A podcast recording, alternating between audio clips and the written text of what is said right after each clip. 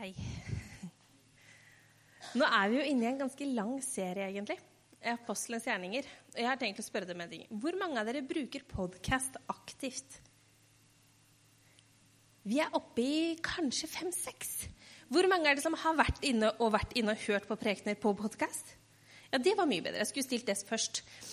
Eh, jeg for min del eh, er jo en litt sånn kinkig situasjon noen ganger. Fordi at på søndagsmøtene enten så er jeg stuck hjemme med kids fordi klokka er seks og leggetid er rett rundt hjørnet. Eller så har jeg ofte enter. Eller så preker jeg sjæl. Så det vil si at sannsynligheten for at jeg går glipp av preken, er ganske stor. Så jeg har jo rett og slett gått virkelig inn for at jeg må jo høre meg gjennom alle de prekene jeg går glipp av. Og det er veldig fint, for du får en helt annen helhet når man faktisk er med fra start til slutt Én sånn serie. Og det her er en lang serie. Så en ting er at hvis man går glipp av én, men hvis du har gått glipp av tre-fire hver hver enkelt preken står jo for seg sjøl. Det gjør den jo. Men det blir en litt annen dybde på det. Du blir litt annerledes med på det vi alle går sammen om, hvis man går inn og hører. Så da var det nok litt ramme for eh, podkast. Men eh, konklusjonen er gå inn og hør. Få med dere det dere går glipp av. For klart, noen ganger så jobber man. Noen ganger er det andre ting som skjer. Og da er det fint å kunne gå inn eh, og høre på den man ikke har fått med seg. I dag er jo da overskriften 'Konfrontert med Den hellige ånd'.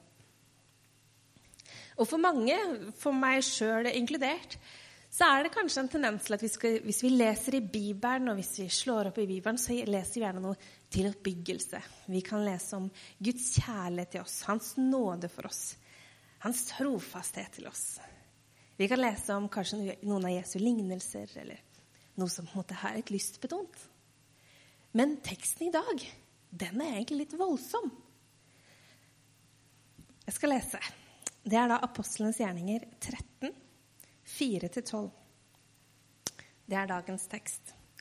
Disse to, som altså var blitt sendt ut av Den hellige ånd, dro til Selvikia og seilte derfra til Kypros. De kom til Salamis, hvor de forkynte Guds ord i jødenes synagoger. Også Johannes var med dem som medhjelper. De dro tvers over øya til Pafos. Der støtte de på en jødisk trollmann og falsk profet som het Bar-Jesus. Han holdt til hos guvernøren Sangius Paulus, som var forstandig mann. Han bar han ba Barnabas og Saulus til seg fordi han ønsket å høre Guds ord. Men Elimas, trollmannen som navnet hans betyr, motarbeidet dem og forsøkte å få guvernøren bort fra troen. Da ble Saulus, som også het Paulus, fylt av Den hellige ånd. Han så trollmannen rett inn i øynene og sa, Du djevelens sønn, full av alt svik og ondskap, er en fiende av alt som er rett. Skal du aldri holde opp med å gjøre Herrens rette veier krokete? Se, nå legger Herrens hånd sin, sin hånd på deg. Du skal være blind en tid og ikke se solen. Straks falt det skodde og mørke over ham, og han, fant, og han famlet omkring og lette etter noe som kunne lede ham. Da guvernøren så det som skjedde, ble han helt overveldet av Herrens lære og kom til tro. Dette er jo egentlig ganske sånn filmdramatisk materiale, spør du meg. Det er jo sånn vi kunne sett i en litt sånn spennende film.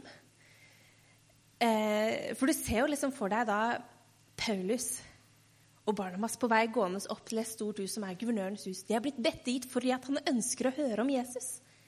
De er jo invitert spesielt fordi at det har gått rykter om at de er der. De kjente Jesus og de kan fortelle om veien. Så de er blitt invitert der. Men allikevel så er han der Ylimas, trollmannen der, og prøver å stikke kjepper i hjula. Prøver å forhindre at han egentlig får tro.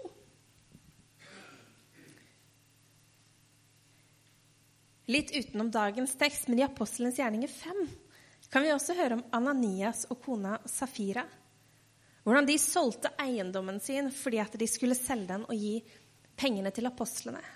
Så kommer de fram og legger alle pengene foran apostlenes føtter og sier at det her var alt. Men så står det at i Apostelens 5,3 så står det Da sa Peter, Ananias, hvorfor har Satan fylt hjertet ditt, så du kan lyve for Den hellige ånd og stikke til side noe du vet du fikk for jordstykket ditt? Kunne du ikke bare beholdt det? Det var jo ditt, Og bestemte du ikke selv over pengene du solgte det for? Hvordan kunne du bestemme deg for dette i ditt hjerte? Det er ikke mennesker, men Gud du har løyet for. Da Ananias hørte det, falt han om og døde. Og alle som hørte det, ble grepet av stor frykt. Der dør Ananias for det han har gjort. Ikke det faktum at han har holdt tilbake igjen penger. Men han blir jo konfrontert med det faktum at han har løyet om det. Han sto på sitt. Og Seinere kan vi se det at eh, når de spør kona Safira, som også visste om det her, at de hadde holdt tilbake igjen litt, så sier hun nei, nei, nei, vi har gitt alt inn. Og faktumet var ikke, det var ikke et problem at de hadde holdt igjen. Problemet var den stoltheten og det at de faktisk valgte å ljuge om det når alt kom til alt. Og prøvde å snike seg rundt Den hellige ånd, og det var ikke så lett. Det er jo ganske dramatisk, må jeg si, at han falt om og døde. Men her får vi se Guds hånd, hans verk. Jeg ble nesten litt irriterende opptatt av det med hånda av en eller annen merkelig grunn når jeg leste og forberedte meg det her. Lese, jeg leste litt i studiebibelen, så står det at, at hånda, ordet der, det er brukt som redskap for å utføre arbeid. Altså Det er styrken og kraften bak arbeidet som blir gjort. Det er det som ligger i det ordet hånd. Det gjør jo egentlig handlingen som skjer, enda sterkere og tydeligere.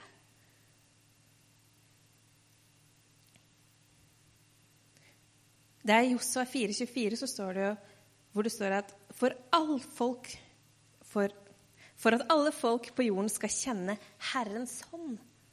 Herrens hånd er ikke alltid det som vi tenker som en kjærlig god, men det er en styrke og makt som ligger i Herrens hånd. Det vil si at all folk skal kjenne Herrens styrke og makt. Med det i bakhodet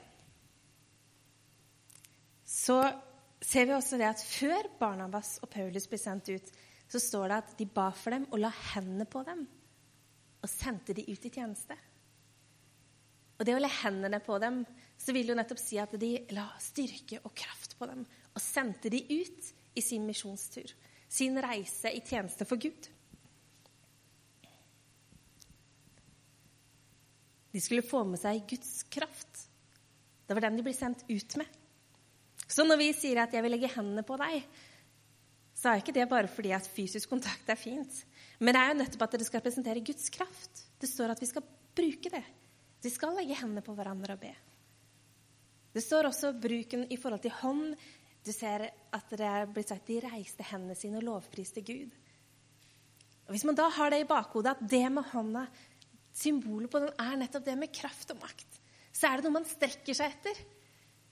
Det er ikke bare for å vise de andre at nå ønsker jeg å tilbe Gud, men det har faktisk noe med hva er det jo vi ønsker å tilkalle? Vi ønsker å koble oss på Guds kraft og makt. Det utøvende bak selve gjerningen. Noe som også er litt interessant med den teksten her, er Paulus sin rolle. Dette er altså da hans første misjonsreise. Dere som har vært misjonærer og blitt sendt ut, kan jo kanskje kjenne igjen noen av den usikkerheten, spenningen, og blir bare sendt ut. Det som er litt fascinerende, det her er jo ikke det første stedet han kommer til. Vi leste at han hadde reist og han hadde reist ved Kypros og gått over hele øya. Og på andre siden av den øya, der møter han den guvernøren, og vi får lov til å lese om det som skjer. Men det som er at når han kommer dit, så er det jo på en måte nesten litt sånn hm, Bordet har snudd seg.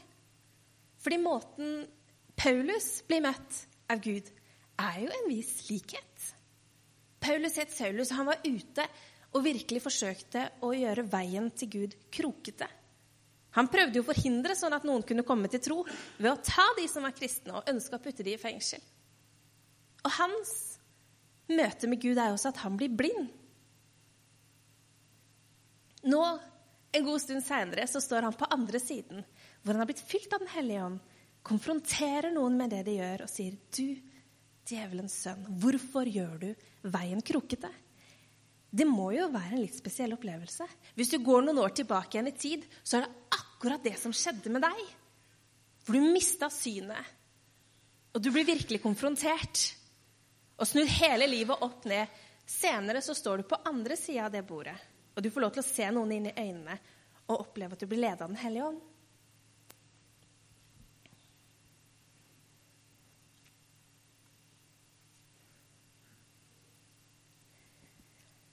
Men for at Paulus skal kunne si det, så måtte han nettopp være fylt av Den hellige ånd. Han måtte leve åpent og tett med Den hellige ånd og være kobla på. Og være villig til å gå dit hvor Den hellige ånd ba han om å gå. For det er jo ganske modig og vågalt å sette øya i et annet menneske og si 'du djevelens sønn'. Det er litt av en åpning. Du skal ikke være mye tvilende når du går ut med den proklamasjonen, liksom. Du kan ikke etterpå si 'Eller var det deg?' Nei. Beklager, det var kanskje litt sterkt. Da må du vite hva du gjør. Det her er en mann som sjøl har vært blind noen år tidligere, og nå ser han med åpne øyne og vet klart hva han gjør, og setter øya i han og sier, 'Du djevelens sønn, hvorfor?' Det er ganske kraftig kost, egentlig. Men for å gjøre det så måtte han nettopp leve tett på Gud. Han måtte leve tett på Den hellige ånd og la Den hellige ånd få lov til å virke i han, for at han skulle få lov til å bli brukt som et redskap som kunne konfrontere.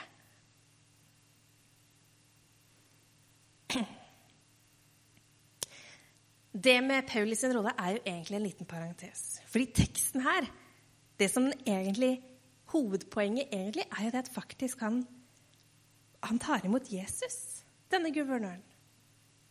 Han blir jo frelst. Men allikevel, når vi leser teksten, så er det ikke det som på en måte fester seg. I hvert fall ikke hos meg. Det skjer litt i starten med han, og så skjer det til slutt. Han tok så imot Jesus. Ja, så fint, da. Det var bra. Kjempefint. Men det er jo den midten som er litt spennende. Fordi det er uvant. Det med trollmann og sånne ting. Jeg og Nikoline satt i går med modelskitt. Så der tok jeg en med i dag. Rett og slett fordi at det er jo nettopp noe med det. At det står at Herrens veier, hans veier er rette. Men så står det også det at denne Elymas, denne trollmannen, gjør de krokete. Men det endrer ikke faktumet hvordan egentlig veien er, tenker jeg. Det var det jeg begynte å tenke litt på når vi satt der. For vi lager ofte slanger, for det er det enkleste dyret å lage. hvis noen lurte. Jeg blir ofte bedt om sjiraff, og så tar hun slangen. Ja, eh, hun har faktisk en mer realistisk utgave av slangen jeg har av sjiraff. Men i hvert fall det jeg tenkte litt på med den her, da det er at det står, Jeg syns det er så fint at det står 'krokete' i den nye versjonen. Eh, I gamle oversettelser står det 'forvrengt'. Og Det er også noe samme med krokete, fordi det er Herrens rette veier å bli krokete. Det blir så veldig visualisert for meg. For det er nettopp det som skjer, da.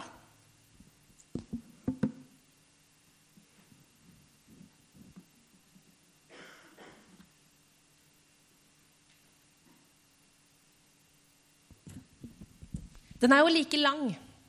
Og sett at dette hadde vært en tunnel, så hadde du ikke kunnet sett lyset på andre sida.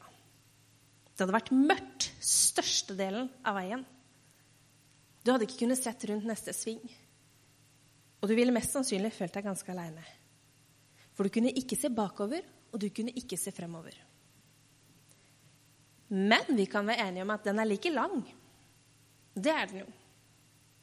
Men det er nettopp det som han sier, at hvorfor gjør du den så krokete når den egentlig skal være rett? Fordi hvis man strekker den ut Og dette hadde vært en tunnel Så hadde det ikke vært noe problem å sette igjennom. Når du da står på starten, så kan du faktisk se lyset der framme. Du kan faktisk se hele veien frem til Jesus. Og det vil være enklere for deg å gå. Det vil være lettere å se målet. Veien er like lang. Det er den. Men det ville være allikevel en helt annen opplevelse av turen. Fordi man mangler disse krokene. Man slipper å gå i mørket. Man slipper å gå uten å vite hvor man skal. Men hvis du går i en helt rett tunnel, så er det lett å se veien, og det er lett å forstå hvor målet er. Det er akkurat de krokene her som han trollmannen skaper. Det står jo ikke at han gjør noe voldsomt for å forhindre. Det står ikke noe om eksakt hva han gjør. Men noe så enkelt og hverdagslig som du setter litt kjepper i hjula. Du prøver å sette noe foran og skjerme dem fra troa.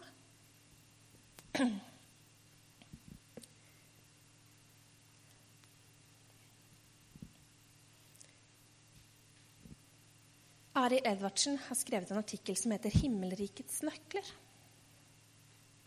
Der henviser han til Matteus 16, hvor Jesus forklarer disiplene om det her med himmelrikets nøkler. Og Her sier han at det kommer en tre, den tredimensjonale virkeligheten vår kommer frem. Det finnes én Gud, en god makt. Det finnes én djevel, en ond makt. Og det finnes mennesker, en naturlig verden, sier han. Noen tror kun på den naturlige verden, menneskene, at det her er det eneste.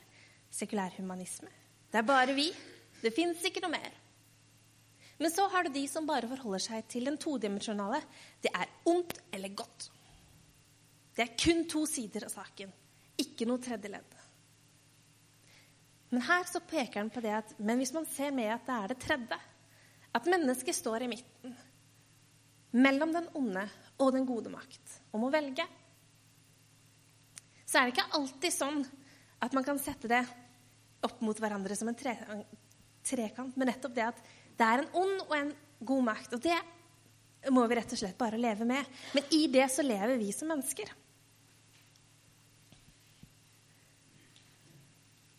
Men det står i Matteus så står det at vi har fått nøklene til disse maktene.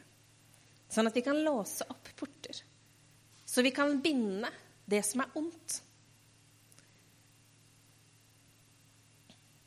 Han sier også at noen av problemene vi kan oppleve her i vår verden, er bare problemer av vår verden. Kun menneskelige problemer.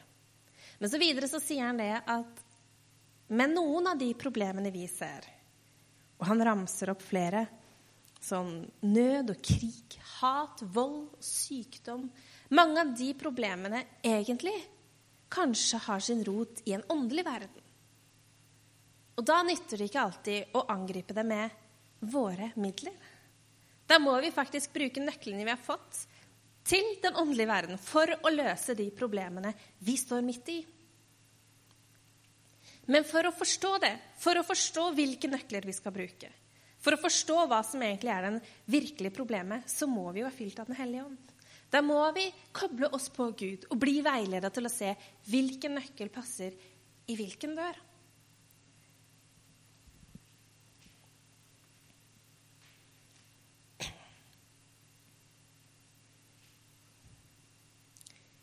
Hvilke hinder er det til tro? Hvordan ser dagens Elimas ut?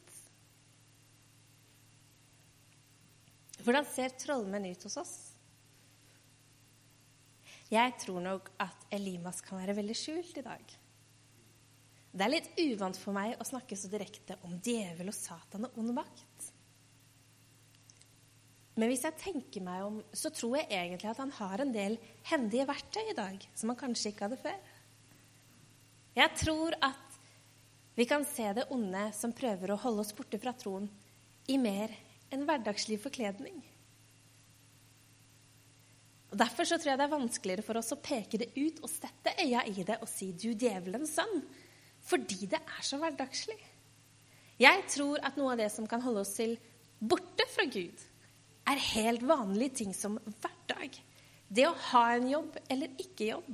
Jobbe for mye eller jobbe for lite. Problemer med penger eller ekteskap. Problemer med hus og heim. Bekymringer. De tingene tror jeg er sånne steder vi fint kan se Elimas i dag, fordi han hindrer oss fra troen. Han hindrer oss i å utøve vår tro. Hindrer oss i fokuset vårt på tro og hindrer oss i å koble oss direkte på Den hellige ånd. Så det er kanskje lettere da for han å si på ett menneske å si at her er syndebukken. Det er ikke alltid det er så lett i mitt liv. Men jeg tror at det er jo samme prinsipp. Hva er det som gjør veien krokete? Det står at den skal være rett. Hva er det som gjør at den oppleves krokete for noen?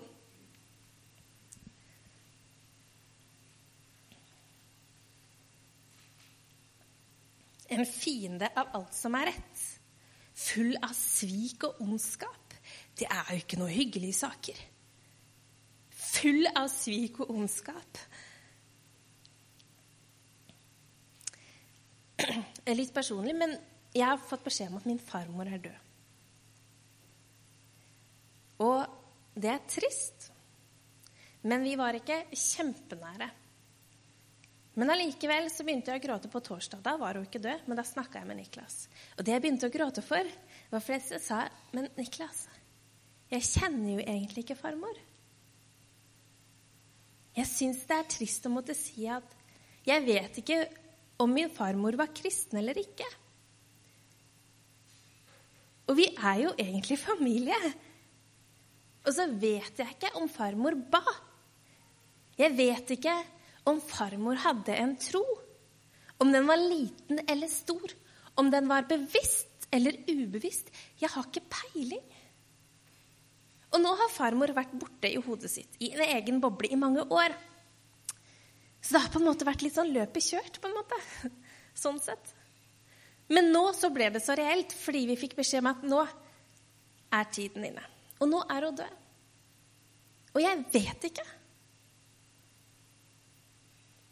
Og det kjente jeg at i forhold til dagens tekst satte litt perspektiv for meg. Hva var det som var til hinder for min farmors tro? Var det dårlige opplevelser i livet som gjorde at erfaringer tilsa at dette er ikke mulig? Eller var det liv som gjorde at hun ikke tok stilling til det? Eller tok hun stilling til det, men ikke ønska å prate om det? Jeg vet ikke. Og i det så kjente jeg at jeg blir utfordra. Fordi at noe av det jeg vil, er nettopp at jeg skal få lov til å være et verktøy for Den hellige ånd. At min kropp skal være en hånd for Gud. Sånn at jeg kan rette ut veien for de som har noe til hinder for tro. Men for at jeg skal få bli brukt til det, så må jeg nesten koble meg på. Da kan jeg nesten ikke la det gå 27 år før jeg tør å ta opp tråden i forhold til tro. Da må jeg nesten bruke de sjansene jeg har. Da må jeg nesten gå inn med en innstilling. Takk, Den hellige ånd, du er her ved meg. Veiled meg gjennom denne dagen. Bruk meg der du kan, sånn at jeg kan få lov til å være en konfrontasjon mot det som er til hinder for tro.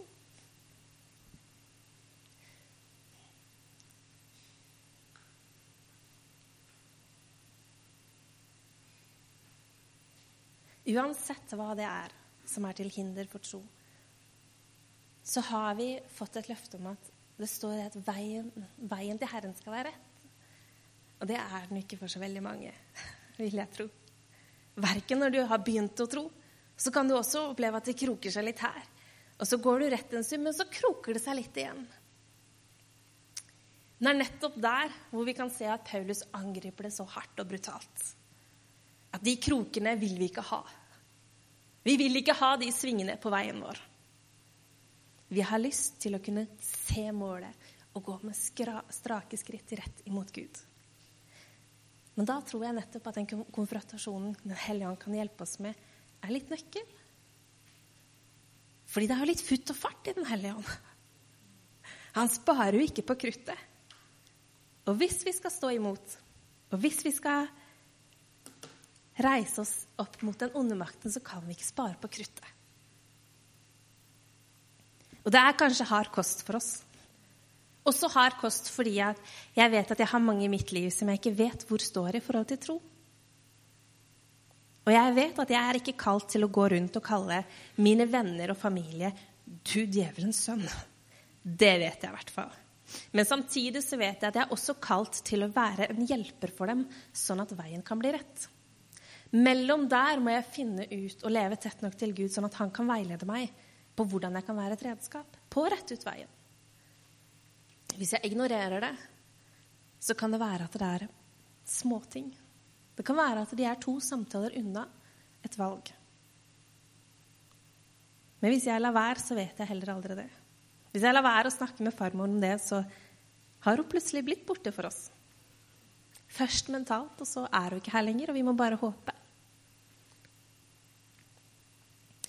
Men ved at jeg tør å være et redskap, så kan vi jo faktisk få lov til å bli brukt i den tjenesten som vi alle er kalt til. Og det høres jo ganske filmdramatisk ut. Spektakulært.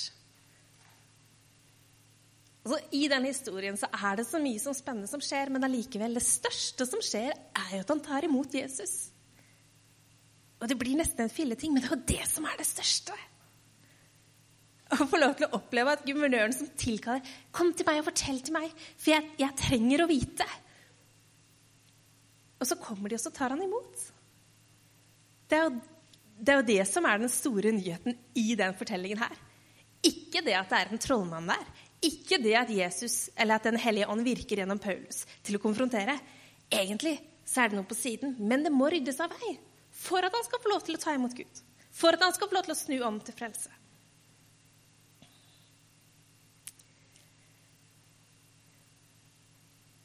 Jeg ønsker å be til slutt.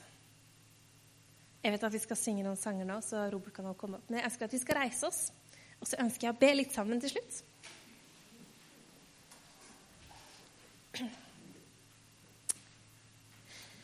Kjære far, jeg takker deg for at du er her.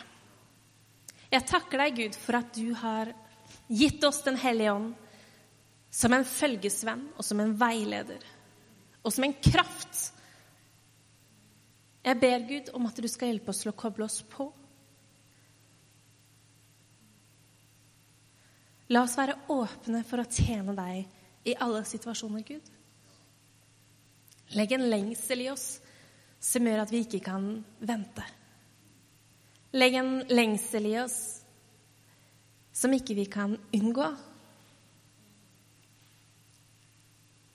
Og veilede oss sånn at vi går den riktige vei, så vi kan veilede andre i forhold til disse krokene, Gud.